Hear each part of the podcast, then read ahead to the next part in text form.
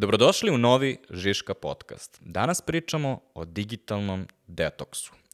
To je ono kada, recimo, zaključate telefon u orman ili odete da se prošetate bez telefona. E sad, ono što je zanimljivo je što, suprotno uvreženom mišljenju, ovo nije tehnika koju koriste ljudi koji su generalno protiv tehnologije, već ba, baš nešto što rade ljudi koji su najaktivniji korisnici interneta. Streameri, kreatori, blogeri, podcasteri. Sve više ljudi sa kojima pričam mi kažu da su primorani da na neki način naprave otklon u odnosu na svoj telefon. I zato sam poželeo da danas pričamo o tome. Srećom, imam jednog veoma heavy usera u firmi, pa sam pozvao Miloša da zajedno pričamo o ovome. Vi slušate Žiško podcast. Dobro, hajde pokušamo da definišeš šta je u stvari digital detox. Digital detox. Digital detox je bilo koja praksa u kojoj pojedinac pokušava da ograniči svoje vreme korišćenja digitalne tehnologije. Na primer, neću koristiti telefon duže od sat vremena dnevno. A da li bi to uh, bila kompletna definicija zbog toga što kada se pominje digitalni redoks, obično se pominje neka vrsta fizičkog razdvajanja, i recimo zatvaranje telefona u orman ili mm. onaj phone jail koji je jedno vreme bio jako popularan ili ona igra gde kao ljudi stavljaju telefone jedan na drugi i tako dalje. Jako je komplikovano jer ne možeš da ne možemo da se dogovorimo da je granica digital detoksa i recimo da li je granica u tome koristit ću telefon samo za pametne stvari ili ograničit ću vreme ili neću ga unositi u spavaću sobu, tu već kreću te, ta fizička razdvajanja.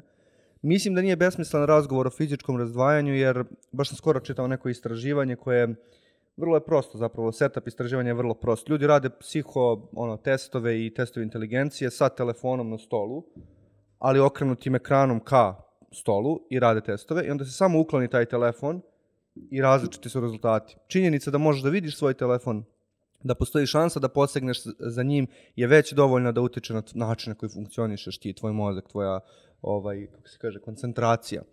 Tako da, A šta se u stvari tu dešava? Dešava se iščekivanje toga da će mm. telefon zazvoniti i ako ga pogledam, već učitavam, aha, e, imam tamo Instagram, verovatno su mi nešto lajkovali, imam tamo LinkedIn, neko je možda komentarisao, trebalo bi to da proverim za svaki slučaj. Postoji konstantna, nedefinisana mogućnost da se u telefonu nešto zanimljivo dešava od toga da si dobio notifikaciju, beznačajno do toga ti je možda stigao neki mail koji će ti promeniti život. Mislim, ne osvešćemo mi to, ali to je otprilike ono što se u mozgu dešava. I ja sam primetio da ljudi to rade i primetio sam da ja to radim takođe.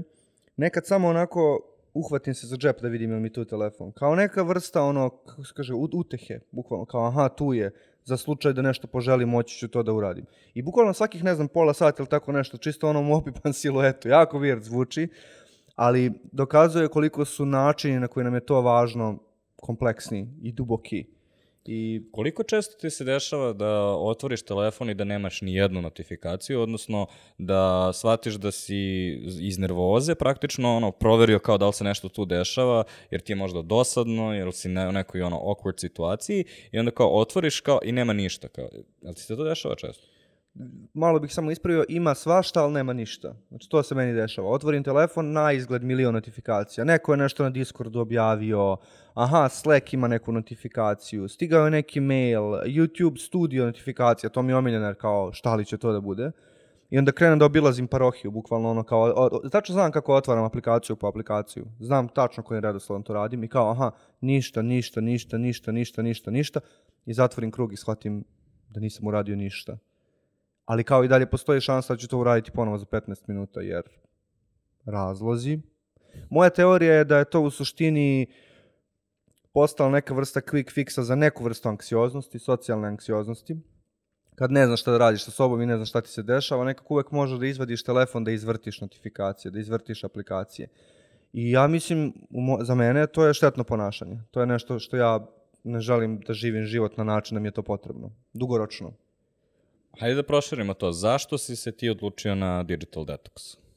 Pa dobro, ja bih samo ovo malo korigovao da ne ispadne sad ja sam nešto jedan dan odlučio i sad ja živim taj život i mi sad to evoluiramo, nego kao neko konstantno promišljanje se kod mene dešava kako želim da koristim digital. Kako želim da koristim pametni telefon, kako želim da koristim laptop, kako želim da koristim svoj ono Netflix nalog i tako dalje. U suštini uhvatiš u nekom momentu sebe u bezbroj tih besmislenih interakcija sa uređajima. Nije to samo to proveravanje notifikacija, to nam prvo padne na pamet, ali tipa onaj infinite, beskonačni scroll TikToka. Recimo šta mi se desilo u hotelu pre par dana, e, seo, ušao sam u hotel, bilo je noć, bio sam na nekoj konferenciji, seo sam na krevet i krenuo da scrollujem TikTok i toliko sam dugo to radio da se automatsko svetlo koje je motion, senzori pokreta se isključilo. Mislim, baš dugo treba da sediš nepomično kao... I onda uhvatiš sebe u gomili tih baš bizarnih interakcija sa telefonom, sa laptopom i tako dalje. Ne znam, scrolluješ Netflix i gledaš 45 minuta šta ćeš da gledaš na Netflixu i tako dalje. A I da onda- li si imao osjećaj e, digitalnog sagorevanja? To je onaj... Da, upravo idem ka tome. I onda u nekom momentu shvatiš kao ovo me čini baš nezadovoljnim. I nes, nesrećnim, umornim, nazovi to kako hoćeš. Onda shvatiš da nešto, nešto se desilo, nešto, nešto se off dešava s tvojim navikama. I onda sam prvi put bio u fazonu, ok, ajde za početak da probam da osvestim šta ja to radim, jer to je uvek valjda prvi korak, da shvatiš šta radiš. I onda kad sam shvatio šta radim, onda sam u stvari shvatio da ja moram da promenim neke stvari, da moram nešto da uradim u vezi s tim. Jer ako samo tako nastavim po automatizmu da, da koristim telefon na način na koji koristim, kao bit ću stalno umoran, nezadovoljan, kao neće se ništa dobro desiti, neće ništa dobro izaći iz toga. I tako kreće. E sad, digitalni detoks kao um, pojam je počeo neke 2010. Našli smo, iskopali smo um, profesorku Siverst, Sivertsen sa uh, prof, profesorka medijskih studija na Univerzitetu u Oslu. Znači, 2010. se prvi put po, pojavljuje ovaj izraz.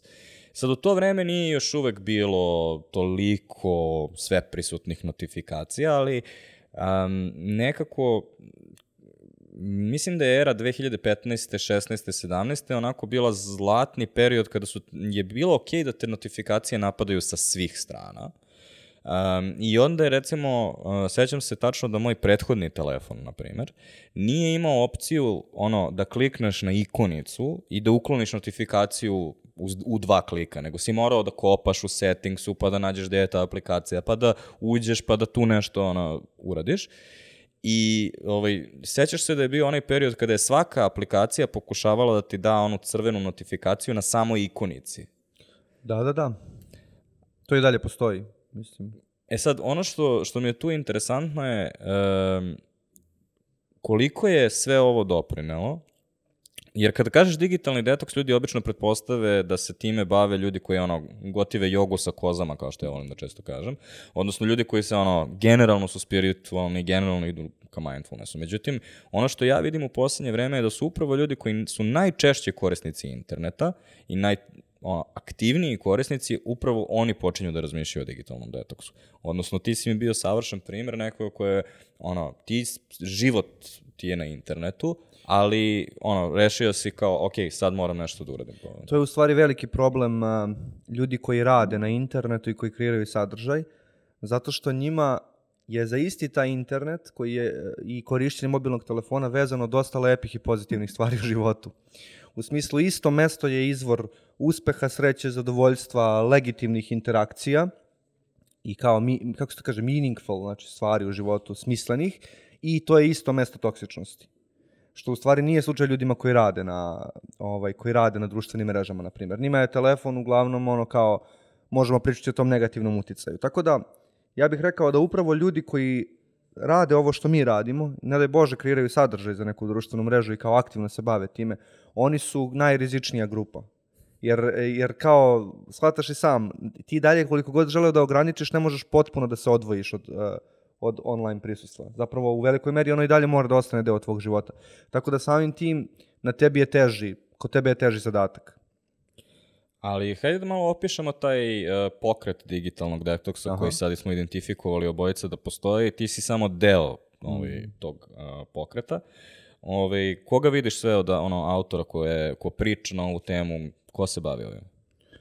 Manje više svi autori koji se bave produktivnošću, u nekom momentu krenu da pričaju o digital detoxu. Pa možda ga ne zovu tako, možda ga zovu my morning routine ili nešto slično.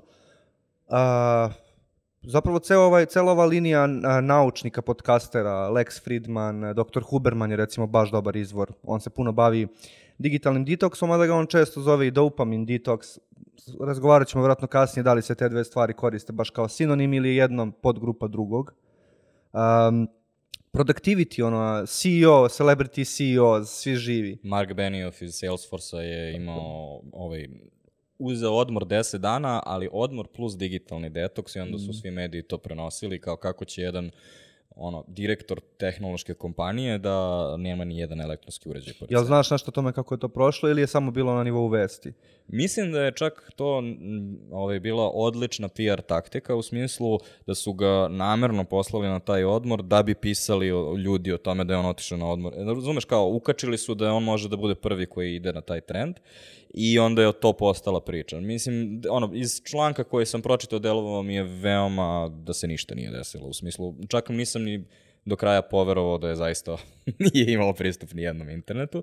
Ovaj, zato što se sve fokusiralo na to da je on CEO Salesforce. Znači nije bilo ovaj, ni na koji način ono, on pokušava da uradi nešto, niti on ima neko lično putovanje tu, nego je onako sve dano, dato iz aspekta ovaj, kompanije. Uh, ovaj, Yuval Noah Harari to radi isto kao ima praksu da barem 60 dana godišnje provede. 60 digitalnom dana godišnje, dva meseca. Da. To me pomalo podsjeća na neka druga vremena kada su tipa rezidencije pisaca bile baš kao velika stvar i kada su pisci išli na te osame. Tipa o- odu na neku kuću na jezeru i kao dva meseca se posvete pisanju da završe svoj, svoj roman. Ima mi nešto slično u vajbu kao ideja da moraš da, da se disciplinuješ da ograničiš nekakve razne nadražaje iz spoljnog sveta da bi se posvetio nekom dubokom radu. I to bih rekao da je razlog zašto su productivity guys, li- likovi koji se bave produktivnošću, zašto su i oni zaintereso- za- zainteresovani za ovu temu. Ma, sigurno, da, ali postoji takođe i um, ovaj, sada gomila ovih aplikacija ovaj, koje se ti pomažu u sad, mindfulness u digitalnom deteksu i raznim ovaj, sličnim stvarima. Sećaš se Calm aplikacije? Da, da, i dalje. Calm aplikacija koja je imala najbolje oglase ikada, koji su u stvari radili isto što radi i Calm aplikacija, a to je ono, u sred tvog maničnog scrollovanja te prekine i onda imaš timer i kao sada samo diši 10 sekundi. Hmm. I on- onda ili ono kao, vrtiš Instagram i kao, sada ću vam pokazati svoj novi blog. Sada samo diši. Ali taj krug koji se ispunjava je već kao zanimljiv, zato što ti on tačno pokazuje koliko će ta stvar trajati, smanjuje ti anksioznost i tako dalje. Baš je zanimljivo, ali nije samo Calm. Mislim, u negde u slično vreme se pojavila i gomila podcasta i različitih YouTube kanala koji se bave vođenom meditacijom. U nekom momentu su likovi koji se bave meditacijom shvatili da sama reč meditacija odbija velike broje ljudi jer zvuči kao nešto spiritualno. Pa se onda pojavilo neki non-sleep deep rest, kako ga zove recimo baš Huberman, kog sam pomenuo. Ali suštinski različite tehnike koje ti omogućavaju da se kao uzemljiš, da se vratiš u svoje telo, uvek je ista stvar kao.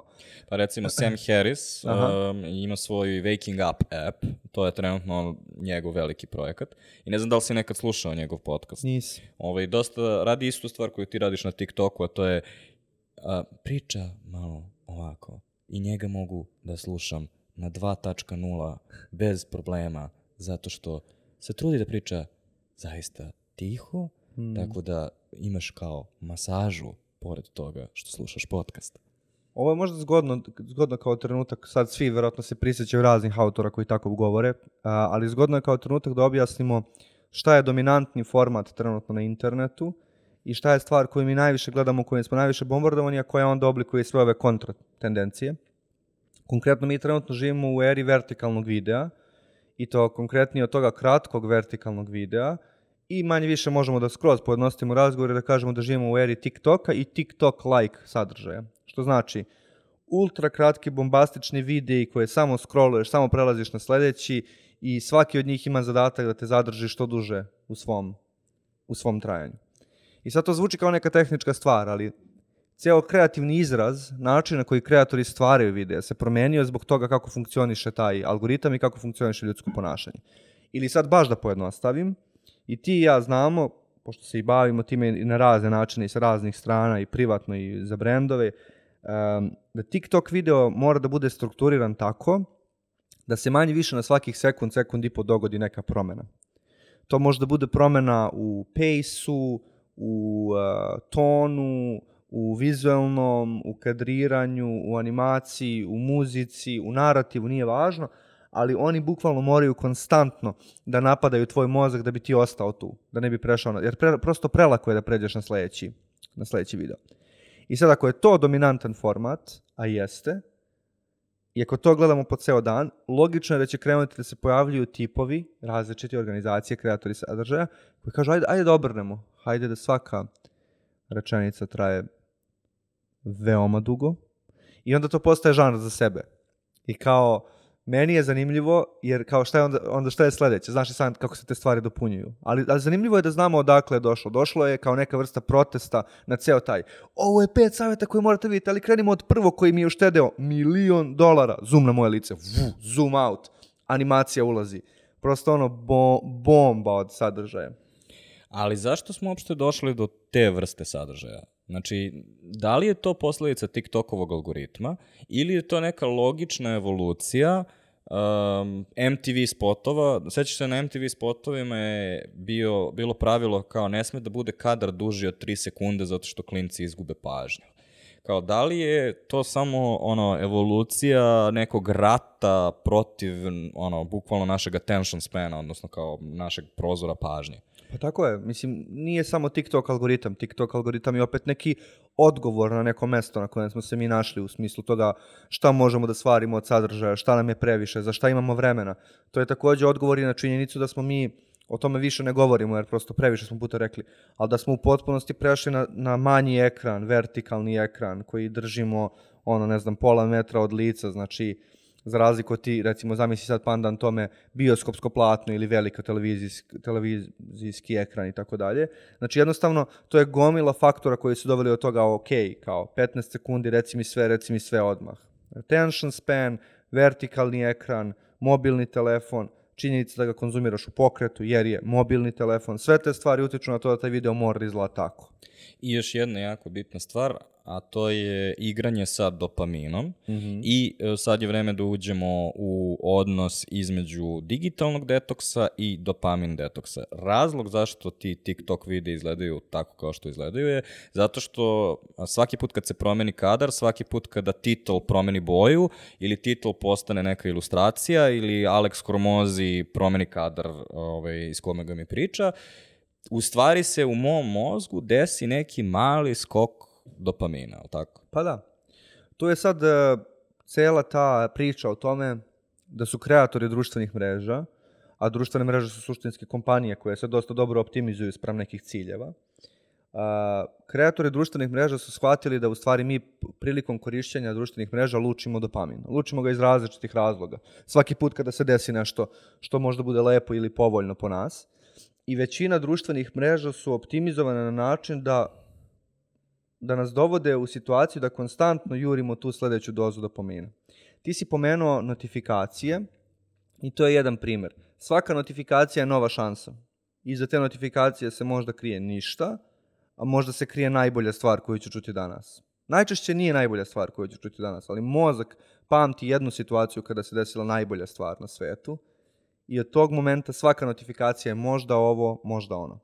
TikTok je posebno lud, zato što jednom kada uđeš u njega, nije više ni stvar imanja te notifikacije. Ti doslovno postaješ ono mašina koja ima samo jednu funkciju, a to je funkcija da uradi ovo, da uradi prstom na gore i da prebaci na sledeći video. To je kao da kažeš, ok, šta je sledeće, ok, šta je sledeće, ok, hajde da vidim šta je sledeće. I to je sve što ti treba da radiš. Samo ako nastaviš tu automatsku radnju, u suštini ti si u toj konstantnoj potrazi za sledećom dozom dopamina. I ona će doći, ne znam, posle 8, 9, 10 weird videa koje ne želiš da gledaš, naići će 11 koji ćeš ono, uzbudit ćeš se oko njega, podelit ćeš ga sa prijateljima, ne znam, uradit ćeš nešto u vezi s tim, ali onda ćeš opet nastaviti. Kao, okay, sada želim da dobijem još toga iz nekog razloga. Ovaj... A iz kog razloga? Postoji bukvalno studija koja nam objašnjava zašto se dešava to. U smislu, radili su na, bukvalno na pacovima, odnosno Rats su radili da, istraživanje da, da. i šta kaže? To je priča o nečemu, ako neko bude htio da googla, kao asimetričnoj nagradi. To jest asimetrično, asimetrično raspoređenoj nagradi. U prevodu, ako ti uzmeš miša i daš mu taster i on pritiska taj taster i svaki put dobija kapljicu svoje hranice kada pritisne taster, ali uvek je isto i uh, na isti način uzrokovano. Znači, on pritisne jednom dugme, dobije jednu kapljicu. I miš će pritiskati, pretpostavljaš, pret, pretpostavljaš pritiskaće će to dugme relativno često.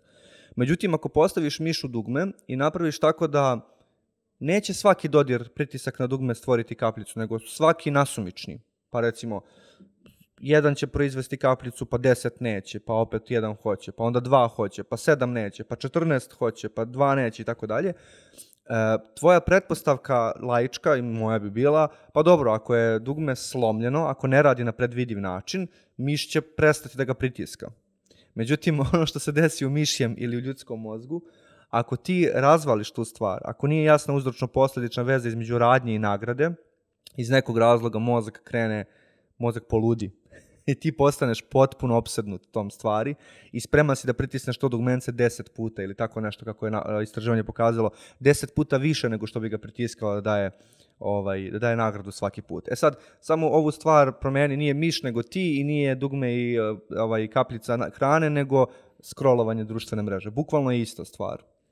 I ipak postoji jedan trenutak kada neki neka slatka sredina, odnosno idealna tačka u kojoj to kada miš pritiska nešto, to generalno nije pretrano teško za miša. E sad, ovo što mi radimo je, mi gubimo vreme i kao mi praktično tradujemo naše vreme za šansu da taj rulet koji je swipe na gore uspe ili ne uspe. Ali nije samo vreme, to je baš velika zabluda. Ljudi misle da gube vreme na, na telefonu, ali zapravo to je ogromna emotivna investicija. To je sadržaj, to su priče i ti kada jednom kreneš da je gledaš, ti se angažuješ intelektualno, ti se angažuješ emotivno, ti se angažuješ na više nekih načina, to prosto tro- troši razne tvoje ljudske bak, bakterije, baterije radije.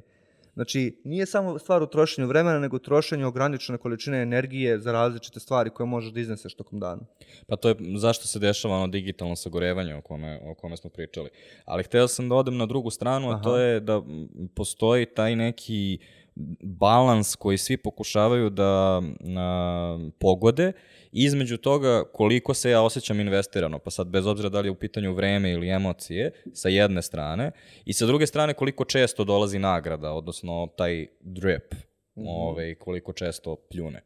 I to je nešto što je u stvari trenutno ono sveti gral istraživanja ono data science-a um, jer u Facebooku, u TikToku i u svakoj gaming firmi s- se postavlja to pitanje koliko puta ja moram da recimo ubijem vepra u World of Warcraftu idealno da bih dobio sledeći nivo. Znači, koji je tačno količina udaraca na svakom vepru i kolika količina veprova da bih se ja osjećao maksimalno investiran u igricu i nastavio da igram. Da, da, da bi ostao tu.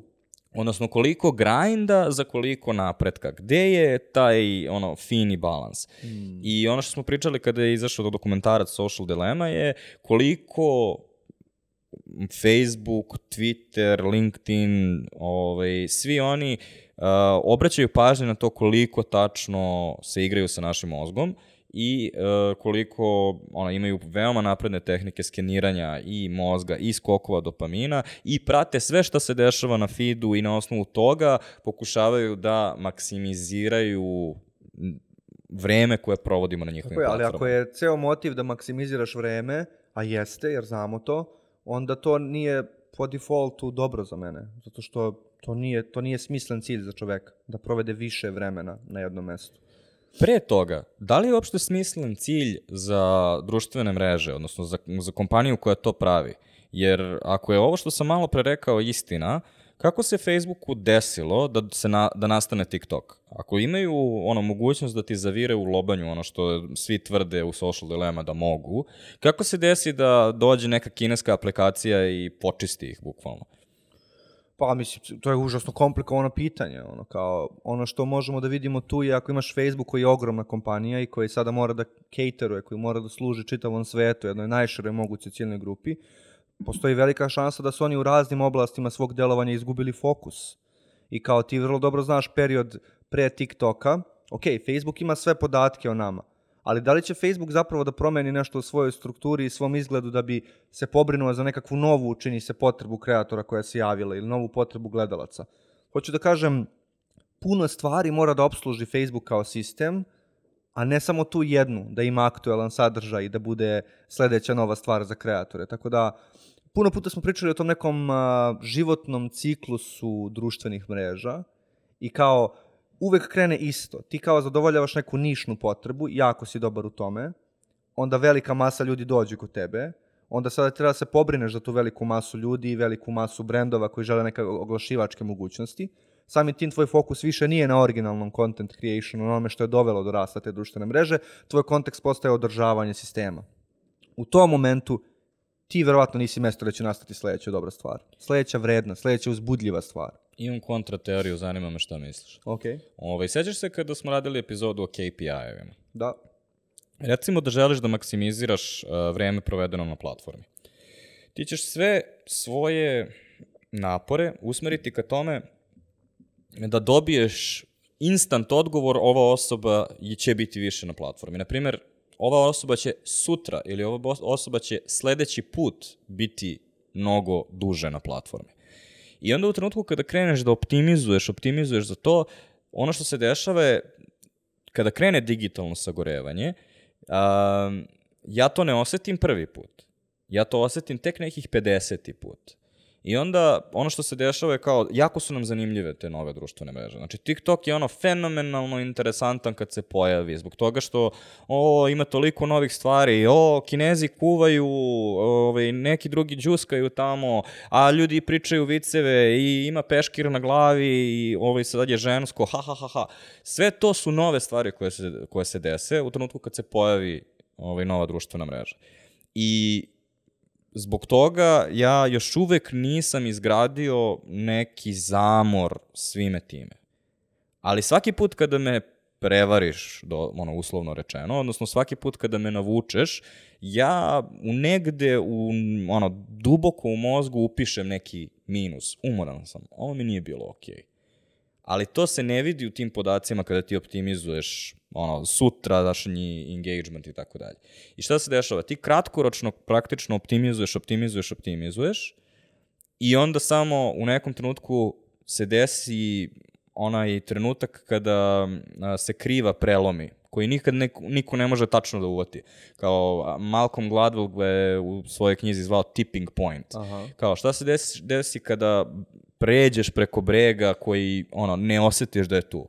I onda ljudi budu u fazonu ja više uopšte ne želim da budem ovde. I to se naravno ne desi sa svima odjedanput. Ali recimo u mojoj i tvojoj generaciji niko više ne koristi Facebook. Kao, korišćenje Facebooka je onako jako čudno.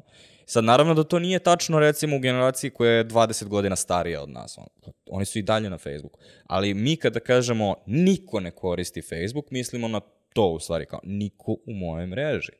I onda šta se dešava kao od naše generacije i onda generacija pet godina ovaj, starija od nas vremenom takođe kaže isto to i tako se to kroz društvo kao generalno ovaj, ono, raširi. Znači, moja poenta je da ako kreneš da optimizuješ bilo koji sistem, dođe onaj Goodhartov zakon i da je to ono što se u stvari desilo Facebooku. Optimizujemo za lajkove, optimizujemo za ono da ćeš dugoročno koristiti, ono da ćeš više koristiti Instagram. Da, ali zbog toga nema kvaliteta, zbog toga nisam zadovoljan dugoročno. Sećaš se kad je Mark Zuckerberg jedno vreme uh, rekao da će oni preći na meaningful engagement. Sećaš to? Pa više puta je to re- rečeno, da. Zvuči strava, ali ne postoji nikakvo utemeljenje u tome. Zato što ne postoji način da monetizuješ meaningful engagement. To i dalje ne prodaješ, jel da? I dalje ne nikome postoji ne način prodaješ da ga staviš u izveštaj za berzu. Da. I to je opet, vraćamo se na našu epizodu o KPI-evima. Problem sa KPI-evima je što ono, to su brojke koje treba da oslikavaju neku veoma komplikovanu realnost. Um, jedini način da izgradiš bilo koji dobar proizvod je ipak izvan KPI-eva. Znači, moraš, ok, moraš da pratiš sve što, te, uh, sve što ono, treba da pratiš, ali to su samo izvori informacija. A kada Mark Zuckerberg izađe i kaže mi imamo 30% više mesečno aktivnih korisnika i zbog toga mu skoči cena akcije 20%, on kao onaj naš miš iz uh, ovaj, prethodne studije, kao razume šta treba da radi. Međutim, način na koji dugoročno održiv proizvod jedino možeš da napraviš, jeste da imaš viziju koja je izvan tih brojki i kažeš Ne, ne, ja znam, iako brojke sada kažu da će biti ovako, za 10 godina će biti drugačije i za 10 godina, recimo sad trenutno jesi možda video da se BuzzFeed News ugasio. Ne. Pa to je kao nekako meni kraj jedne ere. Sećaš se da je jedno vreme bilo ovaj, dosta se pisalo o tome kako će novi talas medija, kao što je Huffington Post, kao što je Gawker jedno vreme bio, kako će to zameniti legacy media, Da, da. kako su oni to zvali, New York Times, Washington Post i tako dalje. E sad, ov, baš pre dve nedelje je ugašen BuzzFeed News. Znači kao jednostavno kraj tog, tog celog narativa. I ovaj, bivši uh, ovaj, glavni odgovorni urednik uh, ovaj BuzzFeed Newsa je izdao knjigu o celom tom periodu.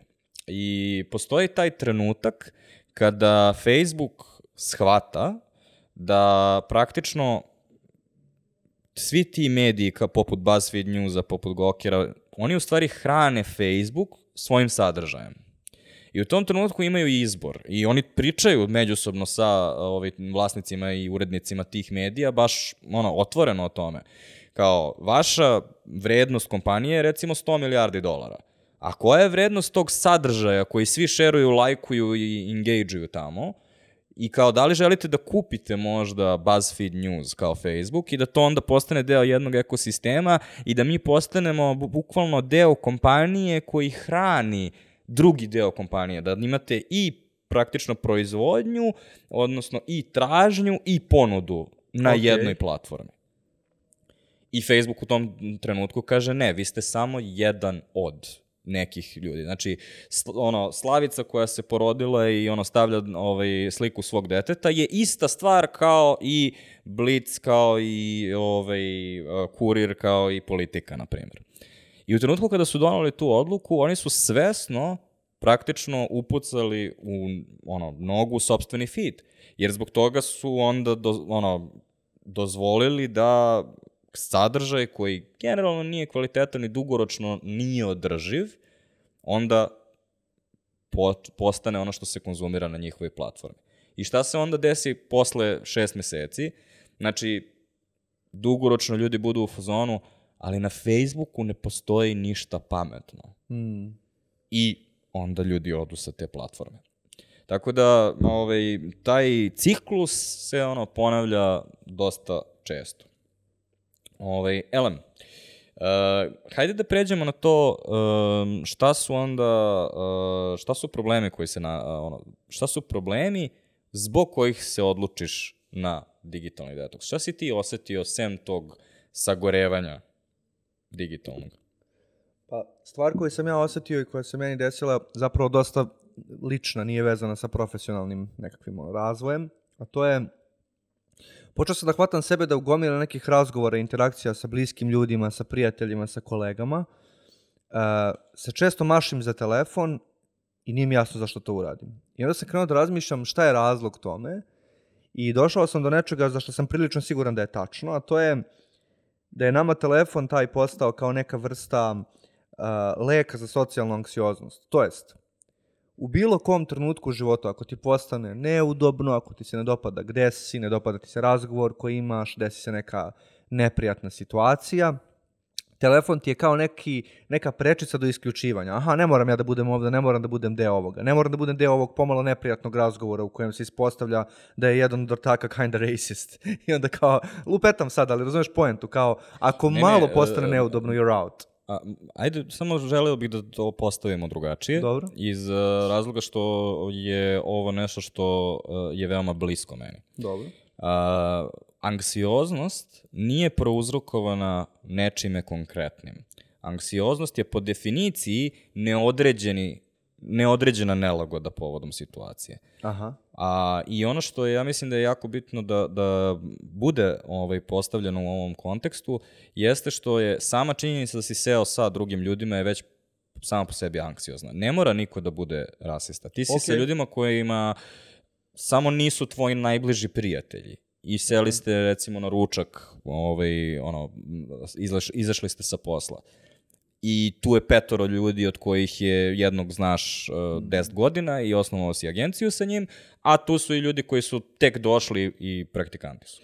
To je Tako je. već pomalo neprijatna. Znači, nije poenta kao To je, jako da. je neprijatno. Ideal, pomalo neprijatno, neudobno, idealna situacija da izvadiš telefon da se isključiš, ali ne jednom, nego sto puta na večer.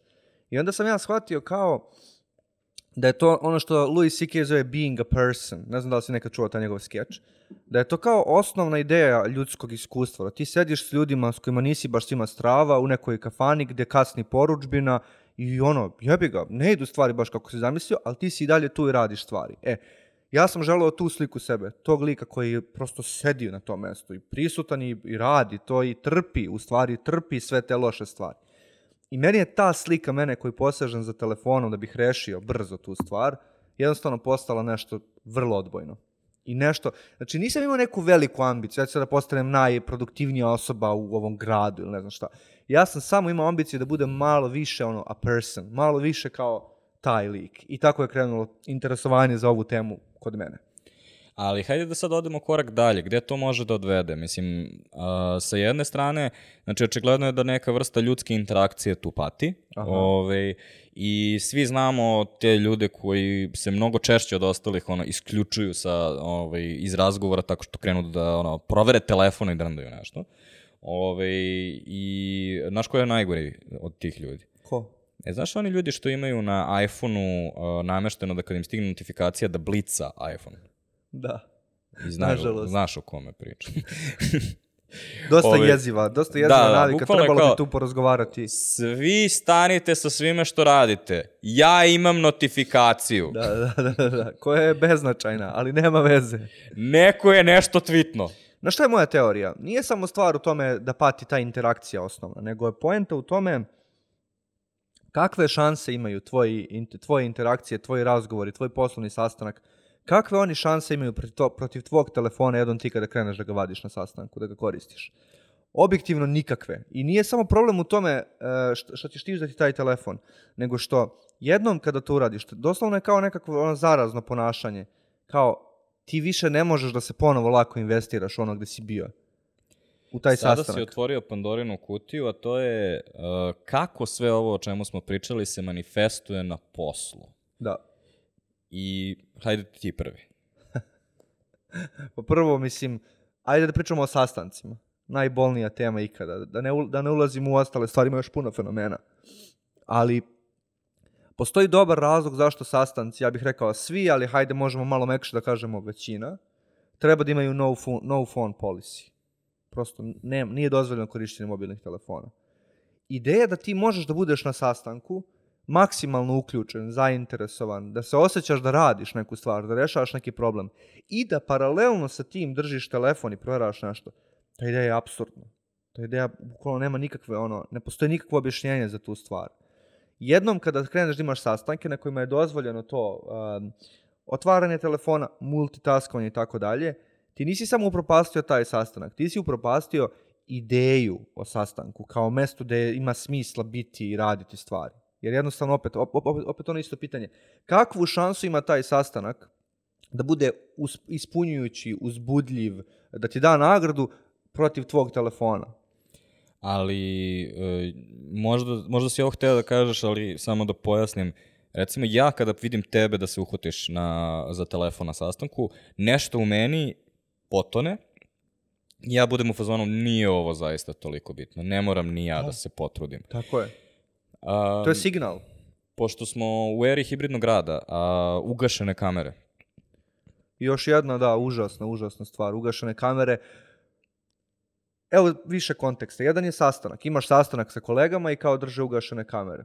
Ti u stvari imaš sastanak sa sivim kvadratima. I koliko god se mi trudili da kažemo hibridni rad, privikamo se na nove načine, objektivno to je potpuno dehumanizujuće iskustvo. Jer šta to znači? Moja ugašena kamera znači, ne izgovori to niko, ali to znači da ja možda radim ko zna šta ovamo. I da li sam uopšte uključen u to i da li to uopšte slušam nominalno i Ajde ovako, suštinski. generalno ovaj, nije uvek ovaj, toliko jasna podela, ali nekada je na sastanku jasno da postoji neko ko želi da postigne nešto na sastanku i neko ko prisustvuje sastanku da bi ta druga osoba dobila ono što ovaj, želi da postigne. U slučaju da postoji to, ako si ta osoba koja nešto želi da postigne na sastanku, činjenica da su ti svi crni kvadrati i da niko nema upaljene kamere je iskreno možda i najteža stvar koju sam ono, doživeo u biznisu. Ovaj, I recimo, idealan primer za to mi ako se sećaš, um, ovaj, u rano vreme pandemije imali smo par online konferencija ili konferencija koje su se naprasno prebacile da budu online. I onda u to vreme nije bilo baš jasno šta je ono normalno i ja se sećam tačno ti i ja zajedno smo držali uh, predavanje i imali smo sve crne kvadrate. Znači, da. niko nije imao uživo. Sećam se takođe, držao sam neko predavanje preko Zuma na Fakultetu organizacijenih nauka, to jest na FONU, i isto sam imao 200 studenta na kolu, ali niko nije bio uključen. I sećam se srećom, pa je u nekom trenutku se neka žena uključila iz automobila i bila u fazonu, hej, da, ja slušam i podcast i tako dalje, i ono drnda automobil, ja sam u fazonu, o, bar ima nekoga živog sa druge strane. Ali sećam se da smo obojica, posle dva, tri takva iskustva, bukvalno rekli ljudima, ni pod koju cenu više ne radimo, ono, online predavanja, gde su ono isključene kamere ili kao ja ne mogu da ono jasno kažem ljudima molim vas uključite se jer je jednostavno toliko um, ono uh, soul drenching, ne znam kako bih to preveo, ali ono, bukvalno kao da me je dementor Isus isisao posle toga. Tih pola sata, recimo, kojem je bio taj keynote, i dalje pamtim kao jedan od traumatičnijih iskustava koje sam imao tokom pandemije. Ma tako je, mislim, to je, ali ja mislim da je trauma na obe strane. Jer kao ti kao predavač, ok, predaješ kvadratima i užasno ti iskustvo, ne vidiš nikoga, ne vidiš nikakvu povratnu informaciju, ali i onaj koji je s druge strane odlukom da ne uključi kameru, on u stvari sedi na tom kolu. On sedi na tom kolu. On suštinski ne veruje da će tu nešto dobiti. I to je isto užasno i za tu osobu. Ja sam bio iz te strane puno puta. E to ne znam, sad nekim ljudima to mnogo lakše pada, ali recimo ja ludim od toga i meni je to um, dosta teže ovaj, nego da vodim klasičan sastanak, a to je a, kada ja moram da prisustvujem sastanku za koji vidim da je mrtav, ali ja moram da, da pazim, moram da budem uključen. I ovaj, primetio sam recimo da ovaj, neke kolege imaju onaj trenutak kao o, izvinite, nismo vas čuli ili baš nam je nešto sad zabagovo internet, a u stvari neko je postavio pitanje na koje se čeka odgovor. Ili onaj trenutak kad se postavi pitanje i onda se dešava ona tišina i onda svi odjednom budemo malo nervozni jer kao mislim da nije bilo meni pitanje. Mislim da nije, uh, dobro nisam ja, neko drugi se upravo ispalio, zato što je neko pričao pola sata i onda odjednom, bam, pitanje. Ali iz Et... konteksta digital detoxa sve ove situacije koje sada opisujemo su savršene da se samo isključiš i da se vratiš na svoju, na svoju uh, digital rutinu. Kao, to je taj sastanak sa ugašenom kamerom da ti u stvari si na svom telefonu ili si na drugim tabovima. Ja čak znam ludački primer, drugi imao psihoterapiju preko kola, ali je namestio pored ekrana da mu stoji uh, na držaču telefon, čisto da može ono da brauzuje dok ima svoju psihoterapiju. Kapiraš kao, koliko je to jezivo zapravo. Ovaj, ali dobro, opet ona ista moja poenta. Ako si na sastanku gde ne, gde, gde ne doprinosiš, uh, moraš da istrpiš to. Ili ako, ne znam, sad razni savjeti o produktivnosti, speak up, reci da nije dobar sastanak, maksimalno se engage sa problemom, probaj da, da izgradiš drugu poziciju, digni ruku, reci nešto, ne znam, ali ako samo ovaj, uzmeš telefon, ti si suštinski odustao. I odustao si jednom da bi odustao još sto puta, jer sad imaš drugu opciju.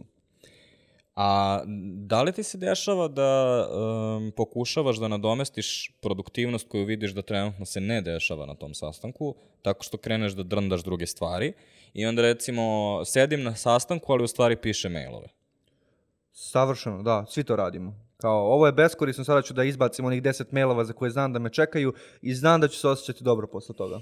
E, ja sam uletao u problem sa time. Mm. Uh, u smislu, uh, ok, postoje pa sastanci gde stvarno ono, nisam ono, esencijalan i onda kao to može da prođe. Međutim, ti nemaš taj trenutak kada počne taj sastanak da ti odlučiš ja ću sada da se ponašam ovako, već jednostavno to uđe u neki tvoj manir. Ja sam u jednom trenutku shvatio da ja bukvalno dok pičujem i trenutno se dešava neko je možda sa mnom pa pičuje deo nekog dela i kao, znači, veoma je osetljiv sastanak sa klijentom, ali ja sam shvatio da ja tokom toga proveravam Slack ili recimo čak sam u jednom trenutku krenuo da odgovaram na mail. I onda sam ovaj, uleteo u te makazice gde me neko pitao pitanje da sam morao da improvizujem odgovor i kao malo da budem ble, ble, ble. Ja sam se zaustavio i bio u fazonu, šta ja u stvari radim ovde? I onda sam se u stvari resetovao i shvatio da, ono, uopšte nije poenta u tome da ja sad pokušavam da nadokradim neku efikasnost, već radim, znaš šta je odlična reč za to? Ne znam da li mi imamo, vrpoljenje je prevod, Da. fidgeting. Da. I to je ono što, kao, vrpoljiš se dok ne dođeš do svog dopaminskog šoka. Ne želiš da budeš tu. Bukvalno ne želiš da budeš tu, tražiš nagradu negde drugo. Ti kažeš sebi, tvoj mozak kaže sebi, ovde se neće desiti ništa dobro za mene. Ajmo da vidimo da potražimo na drugom mestu. Ali da li je to tačno? Ili, treba, ili, ili bi bolji savjet bio da istrpiš? Ja sam prestao to da radim. Ja više nemam te sastanke na kojima, na kojima izvadim telefon ili šaljem mailove. Prosto ne radim to više. I iskreno rečeno, nekad se iznenadiš. Nekad se iznenadiš jer kao sediš na sastanku gde znaš da bi se ranije isključio posle 15 minuta, jer imaš druge mehanizme, pripremio si pet mehanizama za isključivanje, ali ostaneš i posle pola sata u stvari kreneš da hvataš neku nit. Dobiješ nešto, dobiješ nešto drugo. Jer mozak je užasno snalažljiv. On će, on će ako, ako nema bolju opciju, ako nema ništa slatko na stolu ako nemaš telefon, on će da se rekalibriše i krenut će da traži za animaciju u drugim stvarima. Tako da, ovo malo sad zvuči, svestan sam da ovo sad malo zvuči kao mistifikujuće, Ne, samo zvuči veoma leptirić. To je, ono, mislim da je to nešto što ti onako kao ovaj, osoba večnog optimizma možeš da izvučeš iz boje koja se suši. Ćeš i dalje izvući ono, hmm, viskozitet plave ili tako nešto. Kao, znaš, kad ti život da limunove, napravi limunadu. za mene radi u nekom malom smislu. A, ako smo rezimirali da sve društvene mreže rade protiv nas, um, da li i da gomila ljudi koji su iz naše generacije i najteži kreatori, a, odnosno najaktivniji kreatori, trenutno proživljavaju digitalno sagorevanje i traže način da naprave digitalni detoks. Da li je to neki tužan trenutak u istoriji interneta? Da li je ovo najgori internet koji smo ikad imali? Sećaš se ono, nekada ljudi su na... Zabavne stvari su se dešavale na Twitteru. Sećaš foruma, koliko je bilo cool da kao kreneš da drndaš nešto na forumu i pričaš sa nekim ljudima. Sećaš tweet-upova, ljudi su se nalazili. Ljudi su se zaista upoznali na internetu i nalazili. Neki su se tako i udali. To je Da, da. Ja mislim da je to zabluda. Mislim, ne, ne verujem zaista da smo do, dotekli neku nižu tačku od one u kojoj smo bili. Ovo je samo neki jedan trenutak. Jedan trenutak u, ono, u razvoju interneta. I sad moramo malo da se izborimo s tim kao screen time, ovo ono, ali šta, ako, šta kada više ne bude screen? Kao, doći će samo neka sledeća stvar. Ne verujem suštinski u to što govoriš. Mislim da je to samo stvar u tome da potrebno je da prođe određeno vreme da bi se kreirala određena distanca, da bi ti mogao na kritički način da razmišljaš o trenutku u kojem smo mi sada. Tako bi mogla da se obrne teza, kažemo da ovo je vreme da najviše moramo da se odbranimo od interneta, ali je takođe i vreme da imamo najviše alata da se odbranimo od interneta. Tako da ono kao, nisam siguran. Uh, u jednom od podcasta koji sam nedavno slušao, neko je napravio odličnu analogiju u kojoj verujem da je istina, a to je za 50 godina, sećat ćemo se ovog doba interneta, kao što se danas sećamo onog doba kada je bilo ok da u, o, postoji olovo u pasti za zube. Kao, um, ljudi će osvestiti koliko su bile moćne tehnologije koje danas koristimo, moćne u smislu koliko mogu da nam naude. I onda će se pitati zašto se nismo bolje zaštitili od toga. Um, Sigurno, da. ali ipak mislim da postoji nešto i u trenutnom ono, trenutnom ciklusu koje je svaka društvena mreža trenutno. I ti si ovaj, opisao taj ciklus enshitificationa, kako se to zove, odnosno počneš tako što moraš da privučeš korisnike i onda kada kreneš da ih monetizuješ, onda postaješ sve gori, gori, gori, ovaj, zato što pokušavaš da izvučeš iz njih maksimalnu količinu novca. Twitter je trenutno, ono, ajde sad kažemo, napolju totalno drugačiji nego ovde, ali ja sam ušao nedavno na Twitter jer imamo jednog klijenta koji ka- kao koristi i bio sam zaprepašćen koja količina konflikta, ali ne na nivou kao ljudi se međusobno pljuvaju, nego poenta svakog tvita je ustao sam i ne mogu da verujem kako je danas vreme. Razumeš, svaki tweet je nekako por- rat protivu nečega. Um, baš nedavno ovaj, smo pričali o tome kako je ono, LinkedIn postao cringe utrkivanje za nekim engagementom koji na kraju će dovesti do nekog poslovnog uspeha, a sve to je u stvari samo muljanje u prazno. pa je Morning Brew takođe napravio ceo video o tome kako su ono, postoje i oni mimovi, LinkedIn, cringe influenceri, onaj CEO koji plače u kameru i tako dalje. Instagram je pogubljen u tome da pokušava da bude TikTok, svašta nešto se dešava, ali kao, imam osjećaj kao da ljudi više ne registruju Instagram kao da je stvar, kao nije mesto na internetu, nego ono, ok, kao, može da bude i mimovi, može da budu i influenceri, mogu da budu i moji prijatelji, mogu da budu i reelsi, to je postalo neki kao default razdraćkani interneta koji ja, svi imamo Jeste. i koristimo po nekoj inerciji. Da, jel? ali paralelno s tim imaš ceo ekosistem oko podcasta koji ima opet neku svoju dinamiku i čini mi se da su podcasti trenutno dosta kao na nekoj drugoj strani spektruma, u nekom permission realmu, kao ja odlučujem da pratim ovaj podcast, ja ću da sačekam svoju epizodu jednom u sedam dana i da je odslušam tih sat vremena i to je to. U smislu, skroz mi je neka druga logika. Onda t- takođe ti legacy ovaj, mediji koje se ranije pomenuo, long readsi na koje se pretplaćuješ. Aha, sad ću da se pretplatim na New Yorker, pa ću jednom nedeljom da pogledam šta ima od teksta, pa ću da odaberem neki tekst da ga pročitam. Ja bih rekao da YouTube i dalje donekle operiše u tom realmu, iako Je. se trudi da bude svašta nešto, ali bih u, u načelu rekao da je YouTube i dalje mesto gde ti odlučiš da odeš i da vidiš šta je tvojih omiljenih osam kreatora izbacilo i da li želiš da pogledaš neke od tih videa. U smislu, ono što pokušavam da kažem je postoje različite stvari u isto vreme i razvijaju se u isto vreme. Ovaj, ali recimo meni je problem sa YouTube-om u tome što algoritam nije dovoljno nasumičan i uh, ja sam se toliko preoptimizovao da ja mogu sada da ti kažem ako odeš na moj YouTube mm, homepage, mogu ti kažem koji će videi biti tamo. Tako je, I to je mnogi od problem. njih stoje tu već mesecima fazon. Tipa Slide Bean je poslednja nova stvar koju sam ja pogledao i onda on konstantno pokušava da mi da neki Slide Bean video iako sam ja u stvari pogledao dva zato što ste mi ti i Miljan postali u nekom trenutku.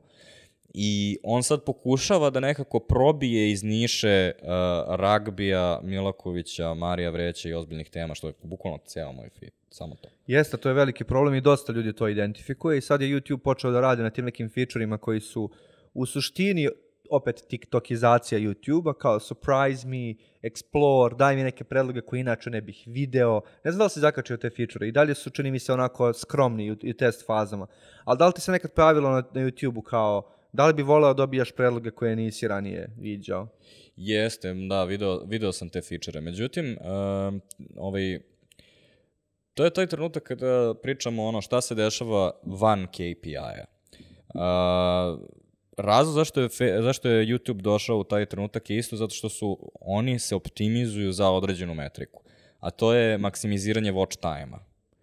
I ako se ono, optimizuješ za maksimiziranje watch time-a i gledaš recimo click-through rate-ove, Ovaj, jeste istina da ja kada vidim ono NRL highlights, najveća šansa je da ću kliknuti na taj thumbnail, zato što je to ono što kao gledam konstantno. Međutim, uh, dugoročno, ja onda naučim da uh, kada odem na YouTube da ću videti samo rugby highlights i to mi se sad ne gleda i neću ništa drugo. I kao to je taj opet trade-off. Znači, kratkoročno, dugoročno. Šta je ono što ono, pokušavaš da mi, da mi prodaš? Recimo, um, ovaj, ono što sam siguran da bi radilo na meni, i zato što znam, zato što to koristim sada na Instagramu, ovaj, je ako bi imali neku vrstu kuriranog trendinga. Jer mene zanima šta drugi ljudi u Srbiji prate. To je ono što mi uvek je interesantno. I recimo, ne znam da li si primetio, ali Instagram ima feature, kaže, pogledaj najgledanije reelse u Srbiji danas. Da. Jel gledaš to? Ne. Ja baš gledam, ali onako kao sa, ovaj, ono, kao profesionalni interes. Ovaj, između ostalog mogu da prijavim da, da su ljudi u Srbiji imaju mnogo gori smisao za humor nego što iko od nas pretpostavlja. Znači, Da, da, to znam. Ono, bukvalno su ono, uh, ovaj, seks šale i ono, ovaj, muž, žena, mačka, pečena ovaj, šale Andrija i Anđelka, ali bez ikakvog ono, logike i scenarija. Ovaj, to je kao 90% Reelsa koji su najgledaniji u, u Srbiji konstantno. Međutim, ako bi mi neko dao trenutno ovaj video trenduje u Srbiji, kao, ja bih zaista želeo to da pogledam, jer kao, želim da vidim šta je ono neka vrsta kao opšte kulture. Međutim, kažem, zbog toga što YouTube ne optimizuje za to, onda ne može ni to da napravi da servira drugima. Tako je, i to je ono veliki, velika borba YouTube-a i to je ono gde on gubi od TikToka i to je ono što on pokušava da reši sa šorcima i apsolutno ne uspeva. Inače, za ljude koji ne prate toliko pomno, šorci su u stvari YouTube-o vertikalni kratki format. I on donekle funkcioniše ovako kako ti opisuješ. On ima ideju da bude to. Da ti krenu šorci kao, oh my god, kakve lude stvari postoje oko mene. Apsolutno Ti kao ovaj najveći vernik u YouTube, jel veruješ da će shorts da živeti? Ne, ne verujem. Zato što previše godina smo edukovani, previše godina smo primovani da YouTube ne služi za to. I jednostavno nam je teško da napravimo taj skok u glavi, da sada služi i za to. Nažalost, mislim da ne. Pa zato što mislim da si lepo objasnio trenutak kada ja odlučim da uopšte odem na YouTube. Ja, mm, se, ja u tom trenutku biram između toga da odem na YouTube ili na Netflix ili da otvorim neku aplikaciju. Taj trenutak kada biram aplikaciju je u stvari ono što je prvi izbor koji formiše sve ostalo. Kad sam otvorio YouTube ne očekujem da ću dobiti gomilu vertikalnih videa koji something, je. something. Ključna reč za mene je dve, dve stvari koje se vrte u cijelom ovom razgovoru u kontekstu digital detoxa. To su osvešćivanje sobstvenog ponašanja, ja sam svestan šta radim, svestan sam da sam sada uzeo telefon da te više ne slušam. I druga je biranje. Ja odlučujem da ću sada nešto da uradim. Ja dođem kući nakon radnog dana i kažem sada ću da sednem za svoj kompjuter i da provedem dva sata gledajući šta streamuju moji omiljeni streameri. Da vidim šta ima novo. I to je odluka. I za mene to nije toksično ponašanje. Ali da li je uopšte moguće u 2023. godini s obzirom šta ti je sve na telefonu? Ve, veoma je teško, to je cela poenta. Moguće je, ali veoma, veoma teško, moraš da se aktivno baviš time. Ne smeš da imaš tu ideju da će se tvoje, e, tvoje digitalna konzumacija sadržaja nekako samo regulisati. Kao, bit će sve okej, kao sa ishranom. Ti nemaš verovanje da ako samo ideš okolo i jedeš sve što ti padne ruku da će sve biti okej. Ti znaš da neće biti sve okej. Donekle si sa hranom to osvestio. Ali ne, sa e, mislim digitalnim... da je bolja analogija a, Alcoholic Anonymous. Dobro. Ove, I o, znaš da postoje ono pravilo ne možeš popiti samo jedno pivo. Ne možeš Okej. popiti ništa. Jer kao um, moraš da post, mora da postoji taj kao veoma jasan otklon. I to je razlog zašto su ljudi u fazonu moraš da ga staviš u drugu sobu, moraš da ga zaključaš u orman i tako dalje. Recimo u istraživanju za temu pronašao sam da kolege iz Team centra, ovaj, bile su u Sinergijinom podcastu i oni organizuju taj um, program koji ovaj, je tri dana digitalnog detoksa i to je kao neki širi program coachinga, pa jedan od, uh, jedna od stvari koje rade je digitalni detoks. Ali poenta je u tome da moraš da budeš hardcore, moraš da uradiš nešto što je nemo, ono, ni, e, neobično. Znaš ono kada ljudi kažu, uh, hoćeš jednu rakijicu, ne, ja ne pijem uopšte. E to je neki kao novi trenutak koji treba da osvestimo. Kao, gde ti je telefon? Ostavio sam ga kući. Jel, jel ti delujem kao čudak? Ono, delujem ti kao neka, ono, fali mi samo onaj uh, šešir od aluminijuma. Definitivno čudno. Ne moraš čak da budeš ni toliko ekstreman da bi već bio čudan. Možeš samo da budeš osoba koja svaki put kad uzme telefon kaže e ljudi izvinite, ono, sedi u nekom društvenom, u društvenoj situaciji. E ljudi izvinite, sada ću da pogledam u telefon. Kao, probaj samo to da radiš. Ve, imat ćeš već poglede, ono. Ali ja mislim, isto što i ti, a to je da su ovo neophodne mere. U suprotnom ne radi. Ako imaš neku kao nejasnu granicu šta je u redu šta nije, premoćna je ta stvar. Završit ćeš u scrollu, završit ćeš na toj traci, jurit ćeš sledeću stvar. Tako da, recimo, na mom primjeru, pošto sam prošle godine krenuo da vozim biciklu svuda, i u početku sam imao tu kao ideju da ću da mountujem telefon na ovaj, napred na bicikli, da bih imao mapu i ne znam šta. I stvarno je ponekad baš korisno, kao treba ti to, imaš tu potrebu. A onda sam stvari shvatio sasvim slučajno da je najbolja stvar kod vožnje bicikle to što je to vreme u kojem ne možeš da budeš na telefonu. I koliko je to u stvari luda stvar. Da je najbolja stvar kod vožnje bicikle, š- koja je već genijalna stvar, sama po sebi voziš stvar na dva točka, balansiraš i stižeš desetine kilometara, već je ludo, ali ne, najbolja stvar u vezi s tim je što ne možeš da budeš na telefonu dok to radiš. E, toliko je zajeba neprijatelj protiv kojeg se boriš. I tu moramo da otvorimo temu podcasta, jer ti si rekao ti slušaš podcaste toko voziš bicikl. Da li je slušanje podcasta potpada pod digitalni detoks ili ne? Za mene, za mene podcast nije u skladu s digitalnim detoksom. Ja moram i tu da povučem granicu. Znači, slušanje podcasta je za mene dosta slično gledanju YouTube streama ili, ili tako dalje. Ok, izađi napolje. Šalim se, naravno. Ovaj, um, ako ste došli do ovde i ispratili nas uh, skoro sat vremena, uh, onda definitivno niste u digitalnom detoksu, ali vam se nešto ovde dopalo. Ovaj, pošto pretpostavljam onda da vas zanimaju teme slične ovoj, preporučujem vam temi, temu broj 142, a, psihološka bezbednost, ili a, epizodu 46, gde se bavimo dokumentarcem Social Dilemma, gde se mnoge stvari koje smo ovde danas pričali isto tako ponavljaju, samo što recimo m, danas smo ih malo updateovali, s obzirom da je ipak prošlo nekih skoro dve godine odatle. Pošto podcaste niko ne gleda, želim vam do slušanja.